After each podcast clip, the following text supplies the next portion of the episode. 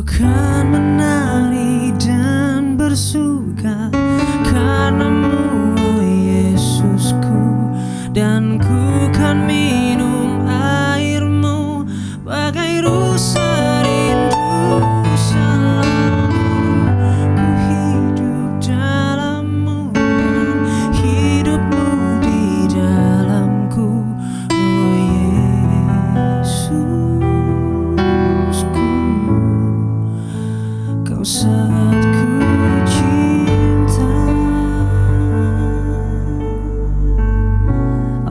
to Undivided Talk Ini episode yang pertama Dan Pasti teman-teman tahu lagu tadi ya Betul banget. Judulnya apa?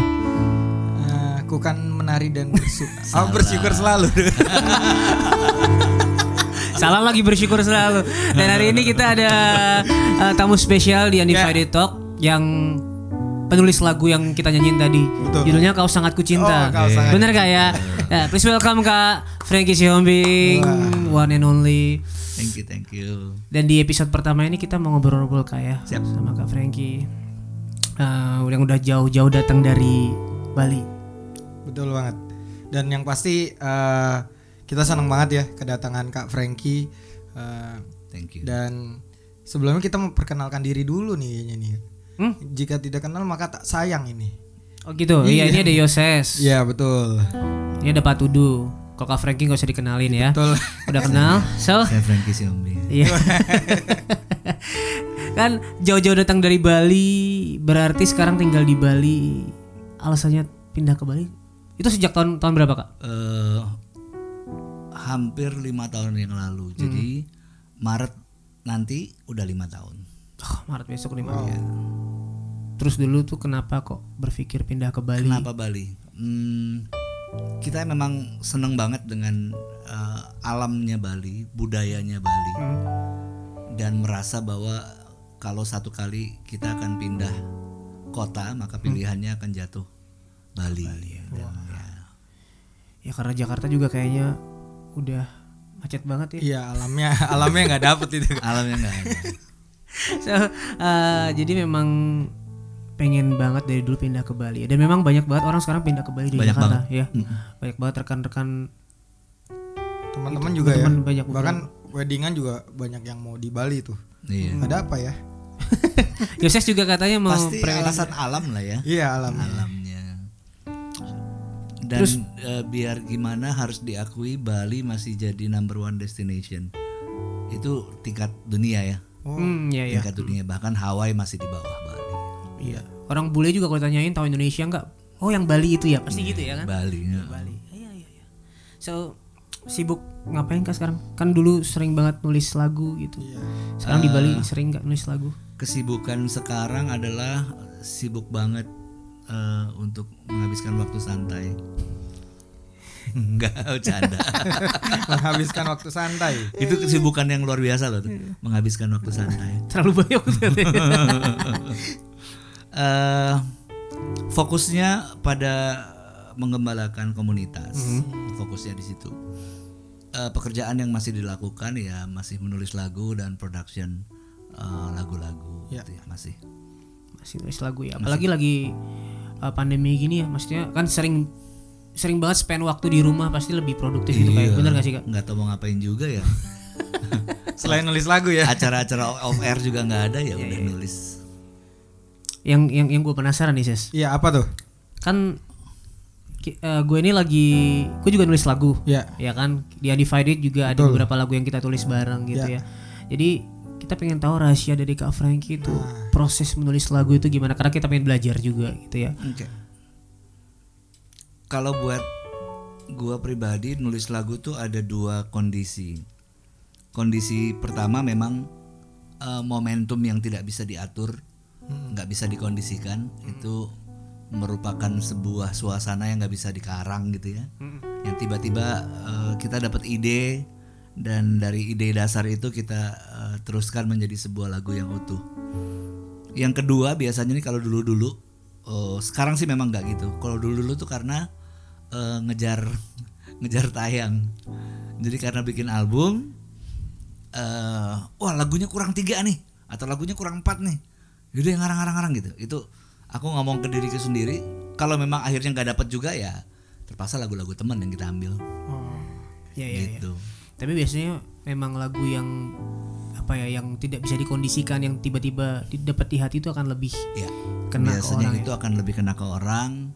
Eh, istilah kita tuh eh, apa ya Eh, lagu yang akhirnya dinyanyiin orang-orang di gereja Iya iya iya karena pasti berbeda dengan yang di apa ya terlalu effort buat ayo kita bikin ayo gitu ya. bikin gitu ya ngejar target karena slotnya masih kurang tapi itu juga banyak terjadi di Iya, iya, album-album gue yang sebelum-sebelumnya pasti ada lah yang itu Iya dan tentunya nggak masalah juga sebenarnya. Nggak masalah, Yang nggak nggak masalah, masalah. juga. Cuman memang caranya proses yang berbeda Iya. gitu ya. Mm. Alright. Kira-kira udah berapa banyak eh, album atau lagu yang udah dilahirkan sama Kak Frankie ya? Kak? Sejujurnya gue nggak pernah ngitung Iya, karena banyak banget deh. sebenarnya banyak ah, dulu dulu gue nggak pernah ngitung terakhir karena berhubungan dengan eh, ada sebuah eh, perusahaan publishing yang Iya. akhirnya kontak dan setelah pertimbangan yang cukup panjang tadinya aku pikir ah ini lagu ini kan bukan bukan lagu gua ya orang cuma numpang lewat doang orang yang nulis. Cuman kayak dapet ide dan yang gua yakin ide itu datang dari Tuhan. Ngapain juga ya pakai di daftar daftarin segala macem. Tapi kemudian memang aku berpikir tentang eh, sebuah karya yang eh, bisa ada yang ngerekam gitu dan ada yang mengurus segala sesuatunya. Karena hukumnya juga udah semakin jadi baik dan akhirnya ya udah aku menyerahkan itu ke sebuah perusahaan publisher dan kemarin dihitung eh, s- 147 nggak banyak juga 147an lagu Wow. Karena gue gue juga tumbuh dengan tumbuh besar dengan lagu-lagu salah satunya lagu-lagu Xiaoming gitu. Apa aja tuh yang paling lu eh, suka tuh Kak? Ah salah satunya tadi kau sangat kucinta. dia takut jawab yang Iya, lain takut iya. salah Tolong dong yang lain Iya, dong. takut gue bilang bukan lagu gue karena banyak banyak banget yang gitu eh bang bang gue suka banget lagu abang yang ini nih ngono ini yang lagu eh, biarkan aku menyembah bukan gua tuh Bobby oh ini nih nih jangan lelah bukan gua Jonathan Prawira Eh, ini lagu ternyata banyak juga yang emang bukan lagu gua Iya iya. iya. Cuman dinyanyikan dan dipopulerkan oleh Kak Frankie ya gitu kali ya. dipopulerkan betul Iya iya iya. iya. So kita mau ngobrol lebih dalam lagi kak. Kita mau ngobrol tentang kehidupan. lebih dalam Nah di mana? ku rindu kau Tuhan lebih dari segala yang ada ya lanjut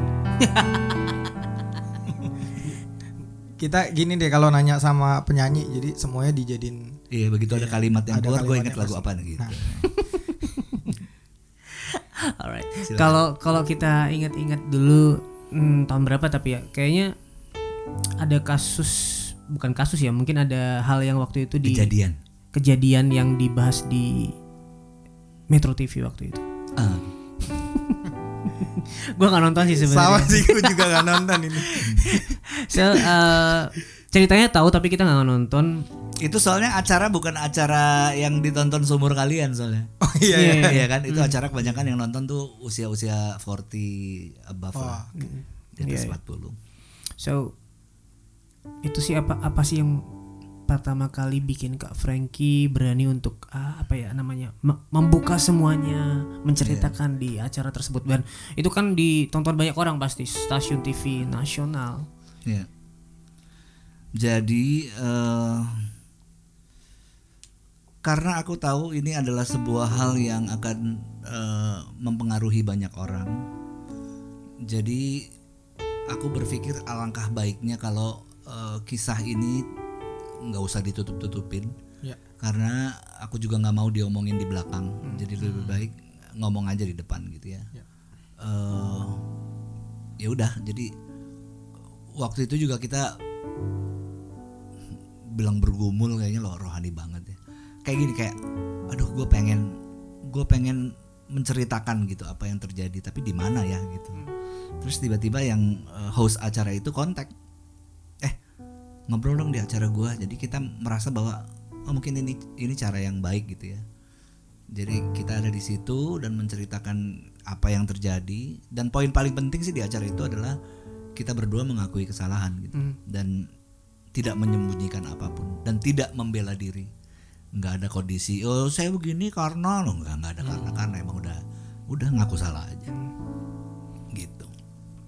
ya waktu pertama kali hal itu terbuka gitu respon orang-orang terdekat gimana Untuk orang-orang terdekat kita udah langsung ngomong sih sebelum Oh gitu, sebelum kejadian itu. Tapi itu memang kita pakai platformnya untuk oh, dalam tanda kutip tubuh Kristus lah ya, gereja Tuhan. Karena eh, biar bagaimana pasti keputusan yang gua ambil pada saat itu adalah sebuah keputusan yang pasti membingungkan dan bagi se- sebagian orang menyakitkan. Mungkin terutama untuk teman-teman yang deket ya. ya eh kalau bahasa Kristennya menjadi satu Bandungan lah gitu ya. eh, Batu Sandungan, Batu sorry, Sandungan. sorry, ya, sorry, Batu Sandungan. Semarang tuh Bandungan Oh, Bandungan Iya, tuh Semarang. mancing gitu Iya, supaya jangan terlalu serius banget muka. Iya nih. menjadi batu sandungan. Jadi ya udah kita kita pakailah eh, acara itu untuk mengaku kesalahan dan minta doa untuk karena waktu itu terus terang nggak tahu mau ngapain juga gitu. Nggak tahu mau ngapain bingung juga di depan gua ada apa gitu. Ya. Kira-kira begitu. Eh, pasti sih gak tau ya apakah banyak respon negatif eh, berupa mungkin caci maki berupa penghakiman. Pasti banyak lah kak ya. Pasti. banyak. Cuman eh, bagaimana kak Frankie itu bisa deal with that? Jadi menghadapi segala lemparan batu itu. Iya harus ditelen sih, Hmm. karena memang eh kak it- itu yang yang gua berpikir bahwa itu adalah sebab ada hukum sebab akibat ya. Iya lu bikin salah ya lu harus tanggung resikonya. Itu kan sesuatu yang memang harus menjadi bagian kita ya udah telan aja. Abis kita nggak bisa protes juga ya. Artinya walaupun kita bisa bilang eh lu nggak berhak ngomong gitu ya ya nggak bisa juga mulut-mulut dia ya iya iya Iya. tinggal bagaimana kita bereaksi yang benar aja tapi jujur untuk bereaksi benar pun uh gila itu proses yang susah banget sih nggak bisa dibilang oh gua kuat waktu itu. Nggak ada. Nggak ada. Gua lemes banget waktu itu. Iya iya. Ketakutan ngerasa ngerasa terhina ngerasa nggak pantas. Sejujurnya itu sebenarnya yang bikin kita kembali pindah ke Bali. Hmm. jadi ngerasa bahwa wah kacau sih kalau kita di Jakarta terus sih kita ketemu orang ketemu temen eh, mendingan kayaknya kita pindah lah. Cari satu daerah yang nggak terlalu orang-orangnya nggak terlalu kepo sama orang lain. Ya. Dan sebelumnya memang kita kan udah sering banget jalan-jalan ke Bali lah ya pasti ya dan ngelihat kayak orang-orangnya tuh agak yang lulu gua-gua gitu iya iya iya Nah, bahkan sampai di Bali kita sengaja memang kita tidak mau terlibat sama sekali ke gereja atau pelayanan karena saya waktu itu pribadi memutuskan untuk no more gereja-gerejaan, no more pelayanan-pelayanan nggak ada. Gue cuman pengen bisnis aja udah. Tidak mau meninggalkan Tuhan tapi tidak mau masuk ke dalam pelayanan dan gereja lagi. Gitu. Itu keputusan awal waktu pindah ke Bali. Eh, sempet nggak nggak pengen ketemu orang gitu nggak sih? Maksudnya, Hmm, di Bali memang kita nggak ketemu siapa-siapa juga.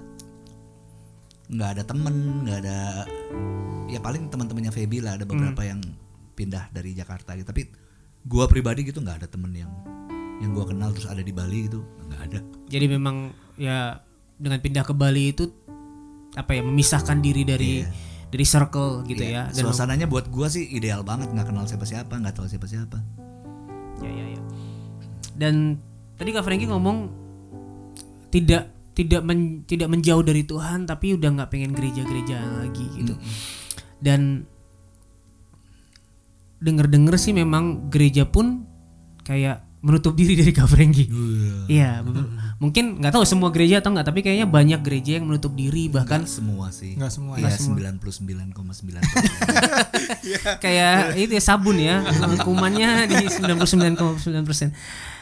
Dan lagu-lagu juga kayak nggak boleh dinyanyikan beberapa aku denger sih kak. Iya aku juga dengar lagu lagu Frankie nggak boleh nggak dinyanyi boleh di gereja. dinyanyiin ya Sedih gak kak? Jadi apa rasanya gitu?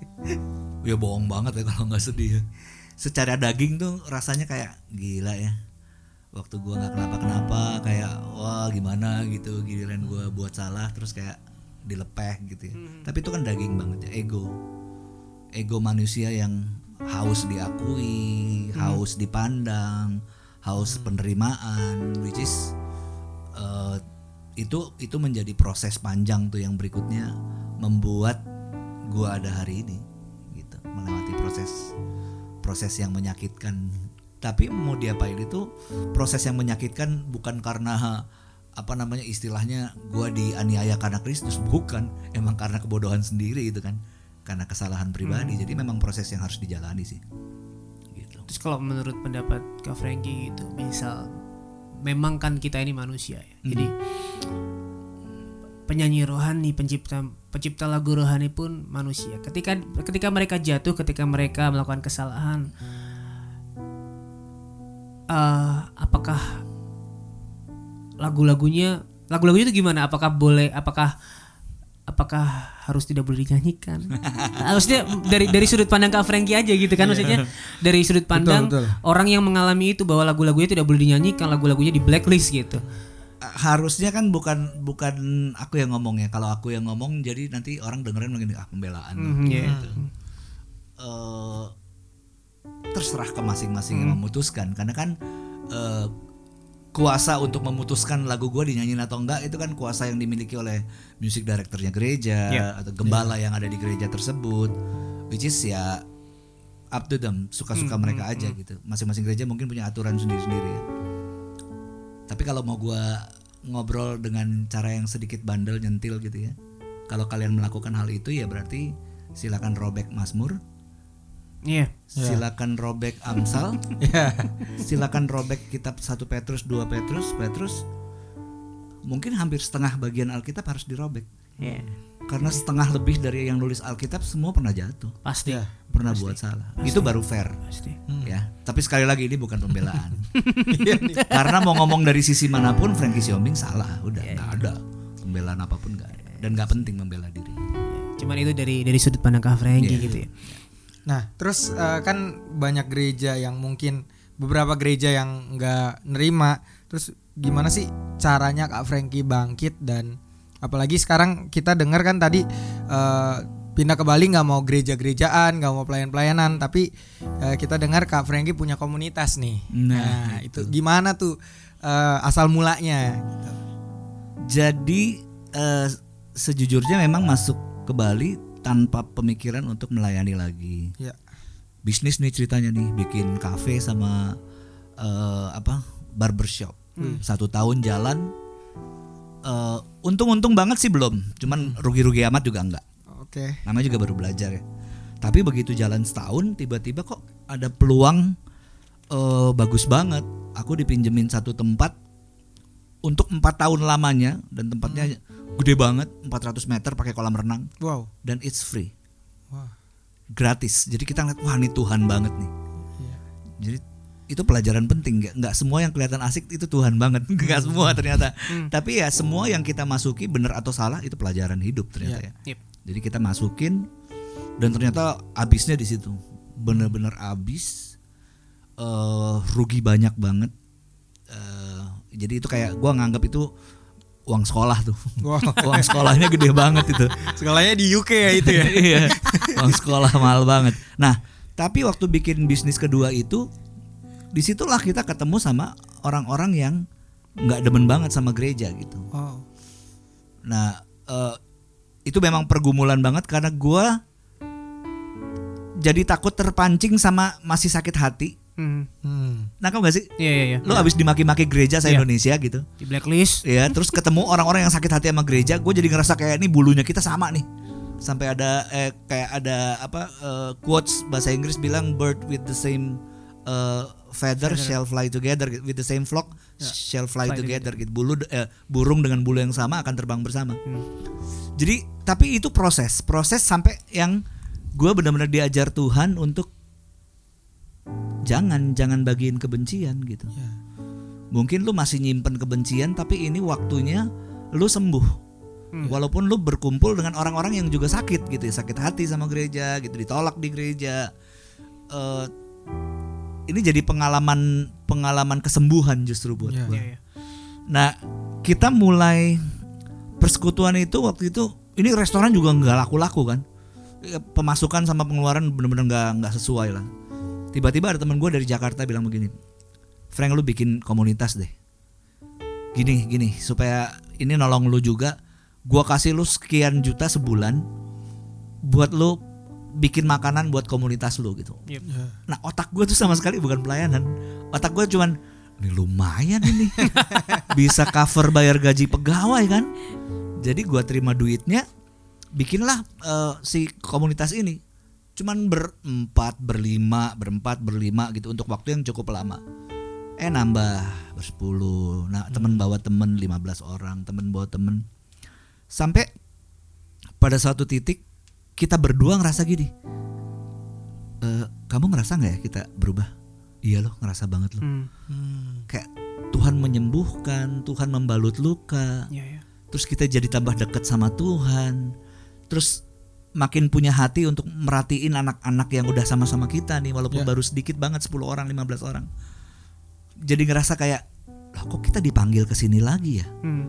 Padahal bukan ini yang kita mau. Ya. Sampai di satu titik, gue telepon temen gue yang di Jakarta, stop your money deh. Gue justru ngerasa bahwa ini cara Tuhan mulihin Wah, kita berdua nih, Yap, yap. gitu. Jadi gue mau mau mau ngejalanin ini bukan dengan cara yang eh, bukan dengan apa namanya, bukan dengan trigger yang salah gitu, bukan dengan eh, Motivasi. motivasi yang Yes. salah. Udah. Lu serius nih gua stop, udah stop aja stop stop. Udah mulai dari situ kita ngeluarin duit sendiri nih. Padahal duit juga pas-pasan ngepas-ngepas banget. Kita waktu itu masih ngekos ngekos eh mau ngontrak rumah juga duit belum ada karena habis-habisan buat buat Resto. modal Hmm. kerja. Udah jalan-jalan-jalan sampai sekarang nih udah masuk tahun ketiga Wah. komunitas kita.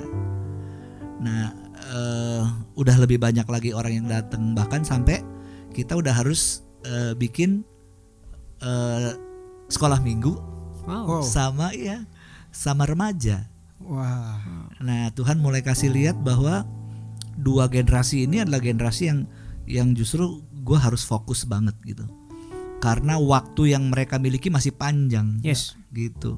Bukan berarti kita nggak fokus sama yang eh, seumuran gua atau yang 30 20 nggak, tapi benar-benar lihat bahwa semua eh, golongan umur ini penting untuk kita perhatiin malah justru terutama si sekolah minggu sama si anak-anak remaja 11 sampai 16 tahun. Keren. Nah, ini benar-benar di luar pengalaman gua Wow. nggak nggak pernah punya pengalaman itu dulu kan gue pernah bikin yang generasi tanpa tembok Ya. tapi zaman itu memang bisa dibilang itu journey yang sangat berbeda karena gue waktu itu masih I am Frankie Siombing banget tuh. Hmm. I am Frankie Siombing yang ya ini ada gara-gara gue Hmm, Iya. pasti gitu. Meanwhile yang sekarang kayak gue yang ngerjain ini kayak gue ngerasa gue bukan siapa-siapa yang Iya. habis habis habis habisnya udah udah nggak ada. Ya mungkin lebih tai dari tai lah istilahnya. Udah sampai segitu. Maaf saya berbicara kotor maafkan saya. Ini tolong editor disensor ya. diganti menjadi Tango Alpha India. Akan lebih baik kedengarannya. Alright. Um, jadi komunitas ini kayak kayak Frankie bilang uh, bukan gereja berarti ya. Sebuah bukan organisasi gereja. Uh, tapi secara biblical gereja ya kan Karena Kan gereja itu- arti gereja ya, adalah ya. orang-orang yang dipanggil keluar dari kegelapan dan seterusnya dan seterusnya ya.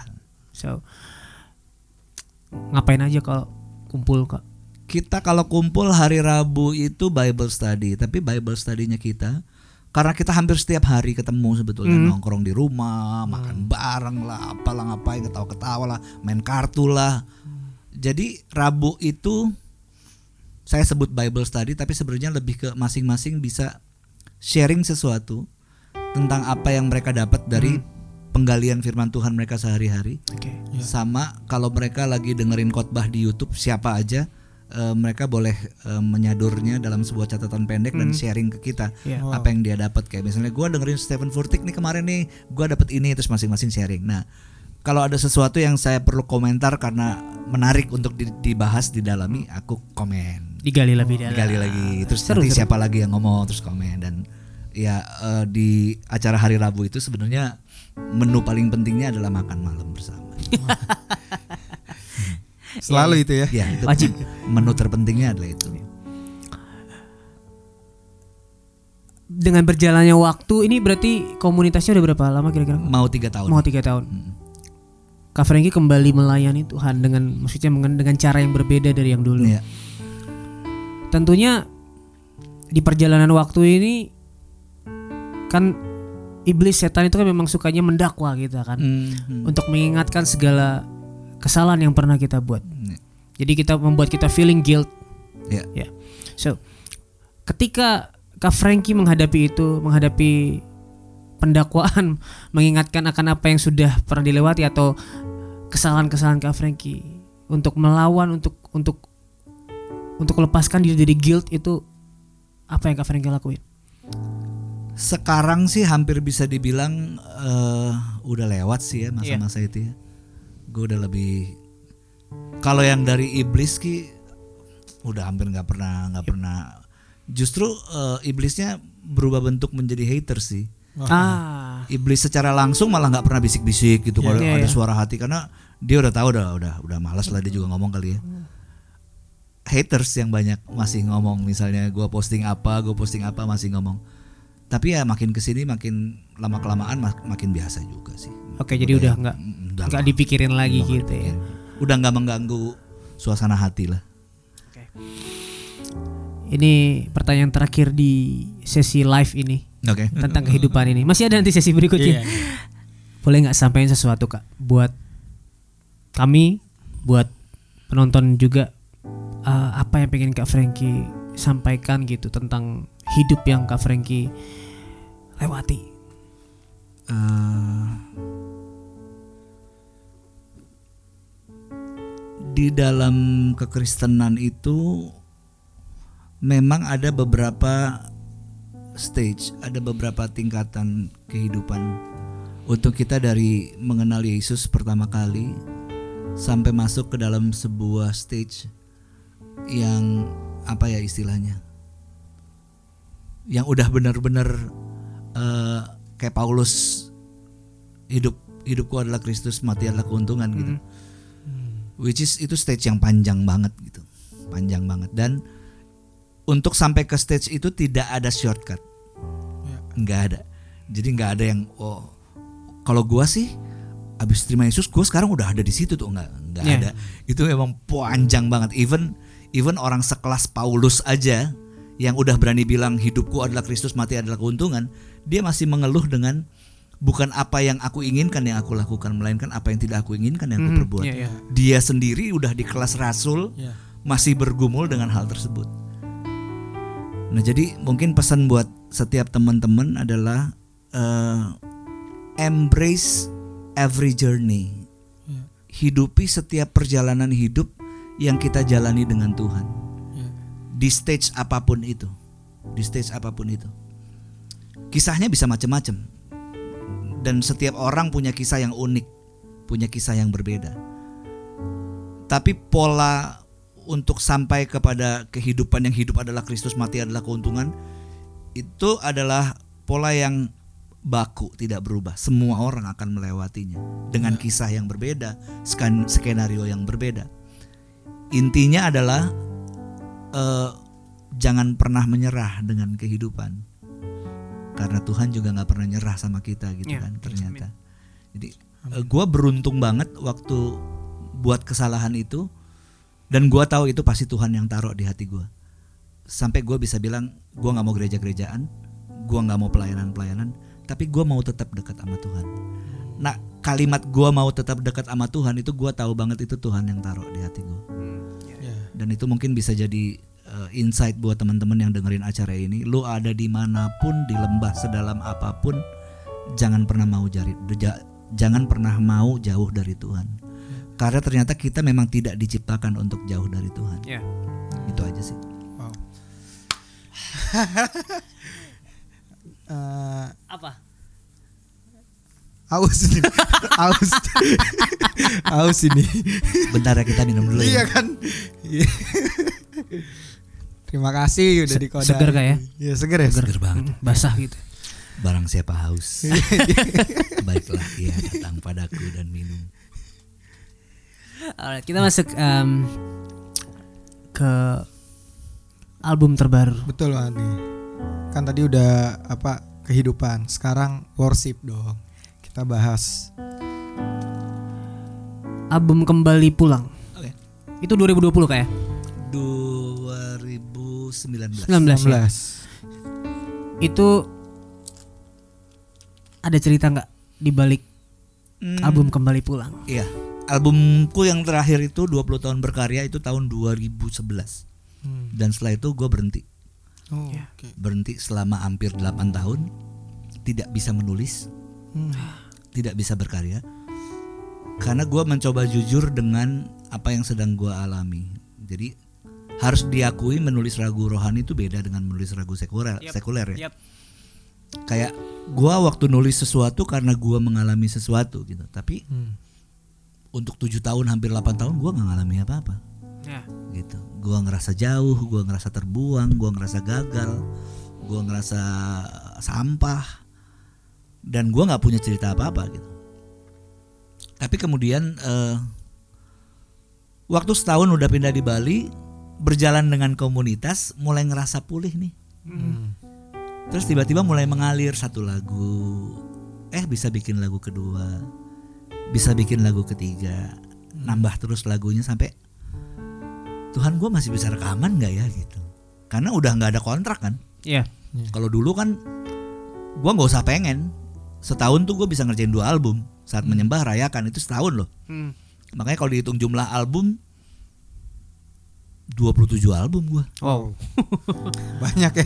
anak gua sampai bilang lu gimana ya pak kok bisa bikin 27 album tuh idenya dari mana ya ah gue sendiri nggak ngerti idenya dari mana lu apa yang lu pikirin gua ngelihat kita pernah ngobrol-ngobrol sama Petra nih. Gua ngeliat kok kayaknya lu ngeflow banget ya. Tapi bisa terjadi 27 album tuh ceritanya gimana? Gua sendiri nggak tahu ceritanya gitu. Maksudnya ya gimana ya nggak ngerti juga nggak ada jawabannya. Nah tapi ngerasain banget yang tujuh tahun terakhir itu merupakan tujuh tahun yang benar-benar gue nggak bisa ngapa-ngapain. Gue nggak bisa nulis gue nggak bisa membayangkan sesuatu yang bisa gue jadiin cerita pada sebuah lagu nggak ada. Ya. jadi waktu udah mulai bisa bikin kayak gue bertanya Tuhan di kondisi sekarang apa bisa memungkinkan Frankie bisa rekaman nggak ya? Gitu. Alah nggak tahu lah selalu lah gitu. Udah yang penting gue udah udah mulai bisa nulis. Eh gue seneng banget. Mungkin cuma 10 menit setelah pemikiran itu tiba-tiba ada WhatsApp masuk. Frank gue lagi kepikir deh lo mau bikin album gak ya? Wow. 10 menit gue inget banget tuh. Itu langsung bunyi WhatsApp lu mau nggak bikin album gue bilang sumpah lu mau lu ini omongan Tuhan apa emosi lu nih? Nggak tahu lah omongan Tuhan apa emosi. Gue juga nggak sedekat-sedekat itu juga sama Tuhan. Pokoknya lu mau nggak? Gitu. Nah gue kasih tau sama dia mahal loh bikin album. Mahal loh bikin album. Dia bilang nggak ada limit berapa aja kasih tau gue udah terjadilah album kembali pulang itu. Gitu. Nah kalau kalian dengerin ya itu benar-benar sebuah album yang momentumnya tentang orang yang bangkit dari kejatuhan. Memang tema lagunya semuanya itu. Kasih karunia lah ya. Hmm. karena journey gua di di album itu memang sedang ada di situ. Ya. ya kayak sekarang misalnya gua berkarya lagi nulis lagi udah bukan itu pasti temanya gitu. Jadi gua melihat eh, musik sebagai sebuah gambaran tentang momen apa yang lagi gua ada gitu. Gua lagi ada di momen apa gitu. Nah eh, buat gua itu cuma sebuah album yang kalau orang juga denger orang bisa ngebayangin bahwa oke gini ya rasanya ya waktu jatuh ya Hmm. kira-kira gitulah Jadi cukup apa ya cukup berarti juga nih lagu ya karena sebuah karena karena menjadi sebuah momen Iya, journey bagian dari journey lah ya. Iya, kebangkitan. So ke depan eh, apakah mau fokus ke komunitas atau tetap akan nulis lagu? Kak. dua itu pasti nggak bisa di stop lah ya. Nulis lagu kan merupakan passion dari awal memang. Gua ngerasa panggilan gua ada di situ. Tapi komunitas adalah sebuah tempat di mana gua ngerasain pertumbuhan gua yang luar biasa justru memang terjadi di komunitas. Ya, benar-benar baru ngalamin semua teori yang gua pernah khotbahin zaman dulu bahwa kita nggak bisa bertumbuh tanpa komunitas itu baru gua alami sekarang tuh Ya. gitu. Jadi dua dua hal itu akan merupakan kehidupannya Frankie sih. So kita tunggu lagu-lagu berikutnya kan. Dan album-album berikutnya kali ya. Alright, satu pertanyaan sih. em, kita harus tanya ini ke Kak Frankie. Betul banget. What is worship to you? Iya. Buat gua worship adalah sebuah sikap hati yang jatuh cinta sama Tuhan ya. Um, it's like every aspect of your life apa pun yang lu buat di setiap aspek hidup lu adalah sebuah tanda cinta pada Tuhan. Waktu gua menyayangi anak-anak gua itu keluar dari rasa cinta gua sama Tuhan. Waktu gua mengerjakan eh, fungsi sebagai seorang bapak bagi komunitas gua, gua melakukannya karena gue jatuh cinta sama Tuhan. Ya. Jadi sampai setiap apa pun yang gua buat, it's itu act of worship gitu. Itu tindakan penyembahan gitu. Gua nyanyi itu tindakan penyembahan, gua melayani itu tindakan Yes. penyembahan Yes.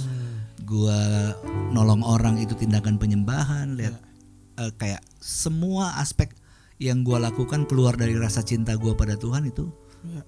act of worship gitu jadi gua tidak melihat worship cuman dari sisi eh, lagu Iya. nyanyian tapi lebih ke tindakan yang kita buat karena kita jatuh cinta banget sama Tuhan Wow. Amin. It's a worship Setuju. Setuju banget ini. Oke, thank you udah mau ngobrol-ngobrol sama Divided. sama-sama Iya, Divided Talk. banget. Makasih banyak udah mampir, sharing banyak hal. Kita belajar banget dan kita percaya juga bahwa teman-teman yang nonton belajar banyak dari Undivided Talk Betul. episode pertama ini ya. Betul banget. Dan eh, kayaknya nggak afdol kalau Kak Frankie nggak nyanyi lagu lagu-lagunya. Banyak dong lagu-lagunya. Iya. Ah, Mungkin lagunya kali bukan lagu-lagunya lagu-lagunya kan. Tapi nggak nggak nggak ada yang kebetulan. Kak Frankie nih ngadain konsernya nih di Gading Serpong. 2020 itu ya? iya betul. Iya kan? Ah, Kota, iya. kota kedua tuh malah Gading Serpong. Kota Iya. pertama tuh Surabaya. Kota Ah. kedua Gading Serpong. Kota ketiga tuh harusnya Jakarta. Itu agak mepet sama Serpong, cuman gara-gara COVID Gak jadi. jadi nggak jadi semua. Nah, Padahal sebelumnya udah ada beberapa permintaan dari kota-kota yang kayak Solo, Semarang, Jogja, Bandung ya akhirnya pending dulu. Iya, Tapi nggak penting lah. Hari Nggak ini penting. judulnya kembali ke Gading Serpong. ya kembali ke Gading Serpong. Jadi menyanyikan lagu-lagunya. Tetap lo dia bilang. Nyanyi apa ya? Dia turun loh nih. Gak apa-apa lah.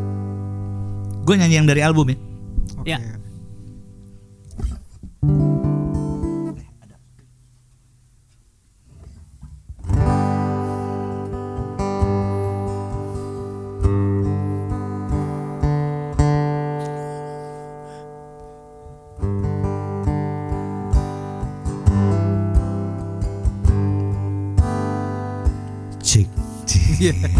Kita udah mau merem padahal. Kalau penyanyi harus ada gitu. Cek.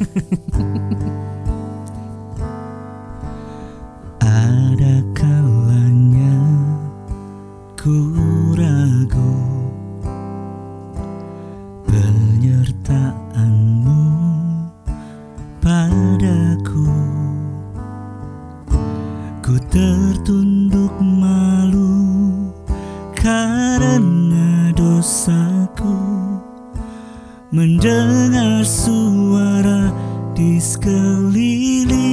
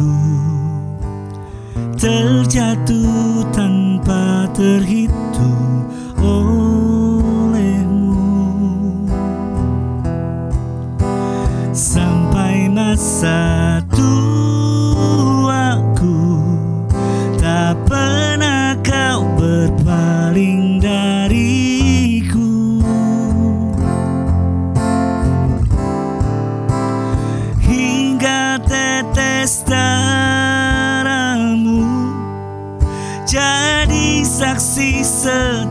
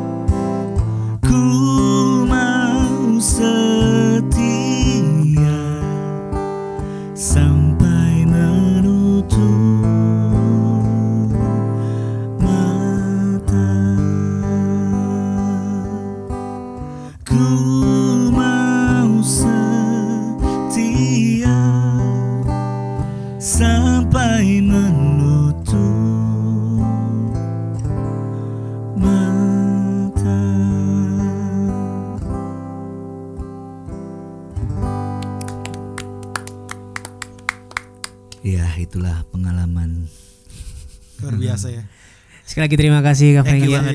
Thank you. Terima kasih you. udah nonton juga. Kita ketemu lagi di Andy Fire Talk episode yang kedua. Betul banget.